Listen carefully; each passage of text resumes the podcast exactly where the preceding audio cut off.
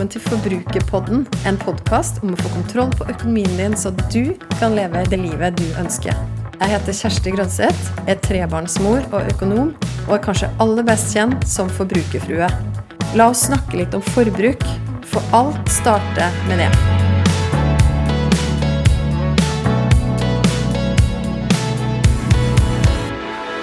Tirsdag 19. oktober, når den podkasten her spilles inn, så er strømprisen på Østlandet, Sørlandet og på Vestlandet 1,43 kroner per kilowattime. Ja, uten nettleie, avgifter og moms. Og det her er det høyeste strømprisen i Sør-Norge noensinne, skriver E24. Det vil si at eh, en dusj på rundt ti minutter den koster 11 kroner. Eller hvis du inkluderer nettleie, moms og de andre avgiftene, så blir det fort rundt en 20-kroning. Så jeg bestemte meg for å spille inn en episode som handler om å hjelpe deg å få kontroll på nettopp strømregninga di. I det siste så har det vært mye snakk om de høye strømprisene flere plasser i landet. altså. Det viser seg da at en kombinasjon av lite vind, lite vann og nå etter hvert også kalde temperaturer forårsaker den økninga som vi har sett det siste i strømprisen. Det er jo stort sett ikke noe overraskelse at strømprisen øker gjennom høsten og mot vinteren, men nå er det altså stadig nye rekorder. Så hvordan kan du få kontroll på det her? Da? Kontroll på strøm, strømregninga di. For det første så pleier jeg å si at det lønner seg for deg å ha en egen konto for strøm. Og hvis du ikke har hatt det før, men hvis du vil opprette det nå, så anbefaler jeg deg at du tar litt penger fra bufferen din og setter de over på strømkontoen. Så kan du puste litt lettere ut med en gang. For da har du på en måte sagt at det her er en ekstraordinær situasjon som jeg nå planlegger for, å møte med penger fra bufferen min.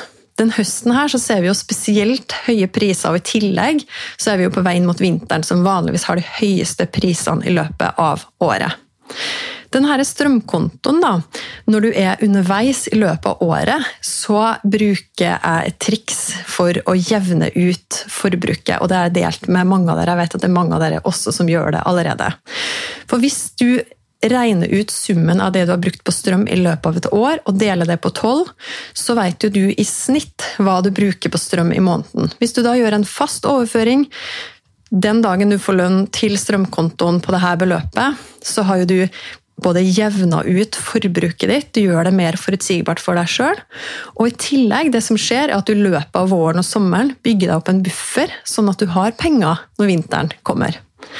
Men hvis du begynner med det her først nå, og kanskje uansett Kanskje er det sånn at det du har brukt på strøm i år, kommer til å være mye mer enn det du brukte i fjor, så anbefaler jeg deg også å ta fra bufferen over til strømkontoen først som sist. Ok? La oss snakke litt nærmere om strømregninga di. Den påvirkes jo av to ting. Det ene er prisen, og det andre er forbruket. Og hvis du ikke er vant til å tenke sånn, så er det her en oppfordring også til å begynne å tenke sånn. For det er sånn at når det gjelder de regningene dine, de utgiftene som ikke er helt faste beløp fra måned til måned, sånn som f.eks. strøm eller mat, andre ting som du også kjøper inn, som er mer de såkalte variable utgiftene, de som varierer fra en periode til neste. Da er det jo sånn at jo høyere pris du har, jo høyere blir regninga. Og jo høyere forbruk du har, jo høyere blir regninga hvis du ser på hver av de faktorene for seg. Så en høy pris og et høyt forbruk det vil jo da påvirke til at du får ekstra høy regning. Og nå har vi jo allerede vært inne på det med strømprisen. Det var jo hele innledningen her. Men det jeg har lyst til å snakke om, er både prisen du får på strømmen, og forbruket ditt av strøm, og hva du kan gjøre.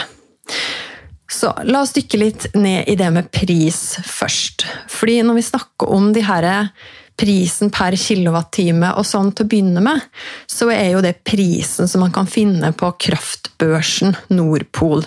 Det er jo et fellessted hvor alle strømselskap handler sin strøm fra, så der er det et eget marked, og det er den prisen vi da snakker om. Strømmarkedet det oppleves jo ofte litt sånn krevende å sette seg inn i som forbruker. Og jeg tror mange av oss gir opp litt nesten før vi har prøvd å finne ut av priser og hva vi egentlig betaler. Men så er det heldigvis noen grep du kan gjøre, og det finnes verktøy som du kan bruke også for å finne litt mer ut av det her. Og det med å sammenligne mellom ulike selskaper, det er nøkkelen. Sammen med et bevisst forhold til hvilken avtale du faktisk inngår. Så når du får strømregninga di, så vil du se at du betaler for nettleie. Du betaler for selve strømmen, og så betaler du noen avgifter til staten. Nettleia det er det du betaler for å få strømmen fysisk inn i boligen din, og den kan du ikke påvirke, for den betaler du til det selskapet som eier strømnettet der du bor. Når det gjelder statens avgifter, så er det moms og en elavgift, elsertifikat, som også vil stå på regninga di. Og så er det da den strømprisen. Og som jeg sa innledningsvis, så er det jo da en spotpris, du har en spotprisavtale, som du betaler, eller det det strømselskapet betaler for strømmen på kraftbørsen, Nordpol. I tillegg til det så må jo kanskje også strømselskapet betale noen penger for å få lov til å handle strømmen på den børsen. Og oppå der igjen så er det jo da noen strømselskaper som legger en, et påslag, en fortjeneste. Så alt det her er jo det som da din strømregning består av. Og det anbefaler deg å gå inn og se, start der, og se hva du har betalt for de ulike delene, før du skal begynne å sammenligne. En av utfordringene i strømmarkedet de siste åra er at det har vært så aggressiv og hard konkurranse om kundene, oss som kunder. Og så mange nye aktører har kommet på banen og tilbudt oss kunder da, eksempelvis kampanjer for å bytte over. Utfordringen med disse kampanjene har jo ofte vært at etter endt kampanjeperiode så går du automatisk over til en mye dårligere avtale. Og mange av oss vil jo kanskje glemme å sjekke de nye vilkårene før strømregninga kommer, og vi kanskje, kanskje ikke stusser over at den virker veldig høy. Poenget er at det er også veldig vanskelig å vite hva som er hva. Hva er den reelle spotprisen? Hva er påslaget som selskapet tar? Osv. Og Strompris.no er Forbrukerrådet sin portal. og Her kan man sammenligne ut fra der du bor og hvor høyt strømforbruk du har i løpet av et år. Så kan du gå inn der og sjekke hvilke avtaler som vil være billigst for deg. Og det, de siste åra har Forbrukerrådet også gjort en endring inne på den sida, og lagt inn en kolonne der som heter antall måneder som den prisen er garantert. Og det er nettopp fordi at det var så mange selskaper der som i en periode la inn sånne veldig gunstige avtaler med negativt påslag for å få deg som kunde. Og så varte det kanskje bare en måned. Og det er jo oppskriften på å glemme å sjekke det, og så ende opp på en mye dårligere avtale. Så nå vil du finne der antall måneder prisen er garantert, og du vil se at de fleste er fra tolv måneder og oppover, også de som ligger i toppen. Jeg vet ikke om du har tenkt at eh, fastprisavtale på strøm kunne vært eh, fristende akkurat nå. Man kan jo bli ganske stressa når du nå tenker at ok, vi er i oktober, og hvor mye kommer denne strømprisen til å øke framover? Men oftest så er det sånn at fastprisavtaler ikke lønner seg. Den spotprisen den varierer jo gjennom året fordi at den følger prisene på kraftbørsen. Og hvis du inngår en fastprisavtale, så vil du jo i aller verste fall ende opp med en høy pris litt for lenge. Altså at du har bundet deg til en pris mye lengre enn prisen faktisk kommer til å være så høy. Så hvis, hvis du vurderer det for å få forutsigbarhet på strømregninga di, så må du sjekke hva er bindingstida, og hvor mye koster det deg eventuelt å komme deg ut av avtalen, for det kan være ganske dyrt. Så Vanligvis er det jo sånn at man sier at en spotprisavtale som du betaler etterskuddsvis, er det du skal se etter når du skal sammenligne ulike avtaler. Du skal også sørge for at du ikke har bindingstid, fordi det tilbyr jo de aller fleste selskaper. Og det er egentlig ingen grunn til at du skulle binde deg til en avtale. Og så er det viktig at du veit hva du betaler for. Og jeg har eh, tenkt litt på hvordan man egentlig kan forholde seg til det med pris, og det med å være en liksom bevisst forbruker i strømmarkedet. Og jeg har kommet fram til at det er tre strategier som du kan velge. Det er sikkert flere også, men dette er i hvert fall de tre som jeg ser. For det første så kan du jo være en sånn forbruker som følger med på strompris.no, følger med på prisene og sørger for at du alltid har det selskapet som ligger øverst der, og det er så mange leverandører, så du kan hoppe på et tilbud som ny kunde og bytte leverandør hyppig. Det er fullt mulig. Jeg har sjøl drevet med det i ganske mange år tidligere. Eller så kan du jo også bruke det du ser der, til å utfordre den leverandøren du har i dag. Og det funker også bra i veldig mange tilfeller. Og den strategien den er jo avhengig av at du følger med ganske aktivt, og at du i hvert fall vet til enhver tid hvilke betingelser du har, og om du kunne fått bedre betingelser et annet sted. Den andre strategien er å velge et selskap som tilbyr prismatch. Og prismatch, hva er det? Jo, det handler om at du kan vise til at det er et annet selskap som kan gi deg en lavere pris, og så tar du det til det selskapet som har prismatch, og så setter de ned prisen din. Og så vidt jeg vet, så er det fire strømselskaper som tilbyr akkurat det med prismatch. Og det finnes faktisk egne Facebook-grupper også, som, som, har ganske mange tusen medlemmer, som snakker om det med prismatch, og som hjelper deg å matche prisen. Den tredje strategien, hvis, to, hvis, du kjenner at de to første her ikke er noe for deg, fordi at du ikke er en sånn som vil følge med til enhver tid hvor du kunne fått lavest pris, så handler jo det om å velge et selskap som ofte ikke har de her kampanjetilbudene, men som tilbyr full innsikt, full transparens inn i sine priser, og som ikke tar fortjeneste på selve strømmen. Det har kommet flere sånne aktører de siste åra, hvor det eneste du betaler for, er kostnaden for å kjøpe strømmen, i tillegg til spotprisen selvfølgelig, og myndighetspålagte elsertifikat, og så gjerne et fast månedsbeløp. Det må jeg nevne her at jeg har hatt en kampanje med et av de selskapene her, hvor jo formålet nettopp var De inviterte jo til at vi skulle se de i korta, sjekke, fordi de publiserer på sine sider hvilke priser de tar, og de oppfordra oss som forbrukere til å gå inn og sjekke vår strømregning for å finne ut om vi kunne få en bedre deal hos dem. Så det er altså tre ulike strategier, litt avhengig av hva du ønsker og det beste du kan gjøre uansett for å være en bevisst forbruker i strømmarkedet, det er å være klar over hvilke betingelser du inngår med det selskapet du velger, sammenligne imot hverandre og følge med på utviklingen i priser over tid. Det var pris. La oss snakke litt om forbruk. Og når vi snakker om forbruk av strøm, så klarer jeg ikke noe annet enn å tenke tilbake på enøk. Jeg vet ikke om det er et begrep som du husker, men det er i hvert fall et begrep som jeg husker at vi hadde og lærte om på skolen. Enøk det står for energiøkonomisering.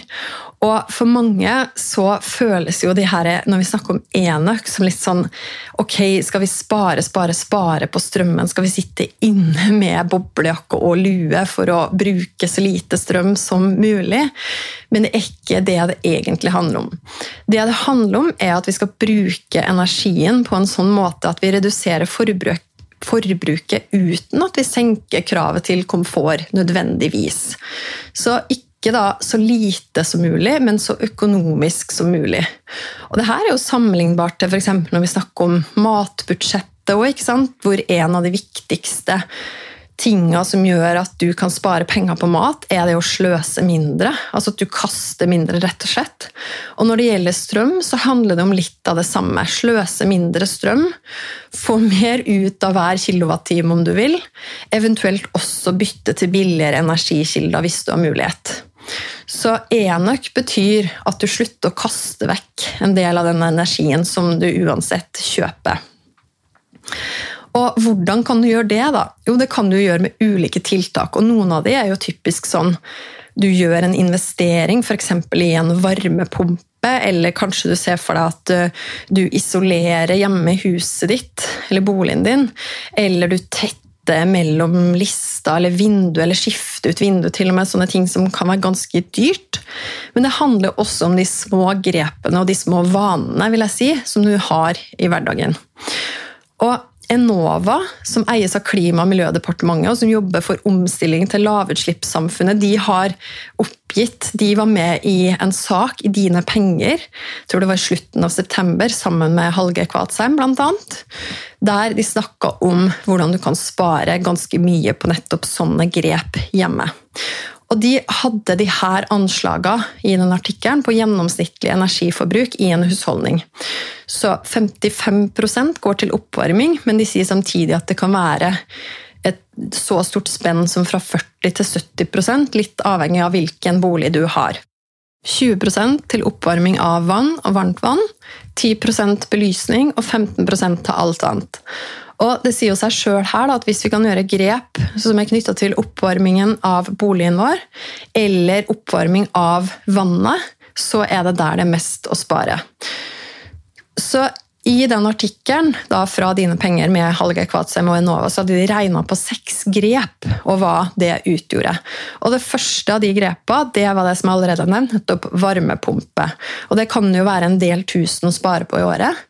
Men da er det jo også snakk om å gjøre en investering som jeg bare gjorde litt kjapp research på. At det er alt fra 15 000 til 250 000. Alt ut fra hvilken type varmepumpe du investerer i.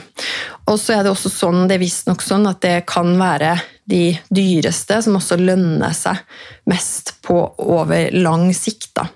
Så her er det jo klart at du må vurdere også en sånn type investering. Hva det ville hatt å si for akkurat deg. Litt avhengig av strømforbruket ditt og avhengig av hvilken type varmepumpe du skulle investert i.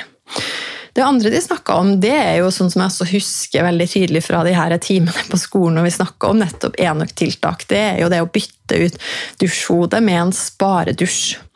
Og apropos den timinuttersdusjen som vi snakka om innledningsvis, som kanskje nå koster opp mot 20 kroner totalt.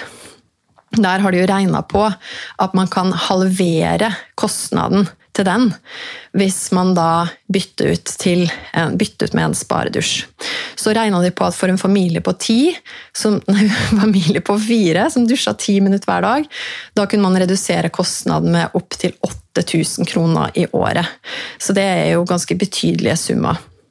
Det tredje de snakka om, var å fyre med ved. Og det hadde de også regna på at med det de hadde lagt inn av liksom dagens priser på ved, så kunne du også spare en del tusen i året på det. Og nå så jeg akkurat i dag også noen artikler som eh, snakka om at folk går helt crazy på å skal hamstre inn ved nå til vinteren. Så det er tydelig at veldig mange tenker samme tanke. Et av de andre tiltakene som de nevnte, det handler om det om å senke innetemperaturen. Og det er litt interessant, det her har jeg lest før også, at for hver grad du senker, så reduserer du energibruken med 5% Så det vil si at eh, hvis du reduserer med to grader da, og 10% og hvis du vanligvis har et energiforbruk på la oss si 25 000 kWt i året, så vil du jo da med den prisen på kilowattimer som er nå, kunne spare opp mot 5000 kroner i året. Så det er også ganske betydelig. Og det kan du jo spørre deg sjøl om hvor mye merker du egentlig om du reduserer, senker temperaturen inne med to grader. Kan, det kan i hvert fall være verdt å teste det ut, i tro på at det skal redusere strømregninga di. Kanskje akkurat nå er det vel verdt å sjekke ut. Så er det jo andre ting som å skru av lys i rom som du ikke er i, og det handler jo mer om vaner, kanskje, vel så mye. Lukke døra kanskje også hvis du har et kaldt soverom der du ikke bruker varme. Så kan du lukke døra der, sånn at det ikke siver da ut til resten av, resten av boligen din. Ok, og Så har det vært litt sånn diskusjon om man skal skru ned temperaturen på natta. Noen mener jo det, for å spare strøm da, eller på dagtid når man ikke er der.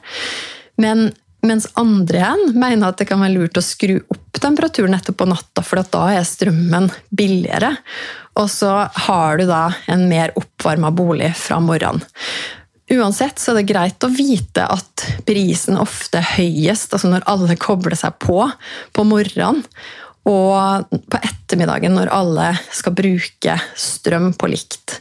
Så hvis du kan Det her syns jeg er litt vanskelig da, å skulle time. og så er det jo sånn, ok, Skal man kjøre vaskemaskin og tørketrommel om natta? Det er jo heller ikke helt anbefalt sånn med tanke på brannsikkerhet. Men hvis du kan time det sånn at du, du, kan gjøre det til noe av det siste du gjør på kvelden før du legger deg, f.eks., så kan det jo være grunner til å tro at du da har truffet på en litt lavere strømpris. Hvis du har elbil, så kan det jo være et tips å lade den i, over natta. Der nettopp også strømprisen er lavere.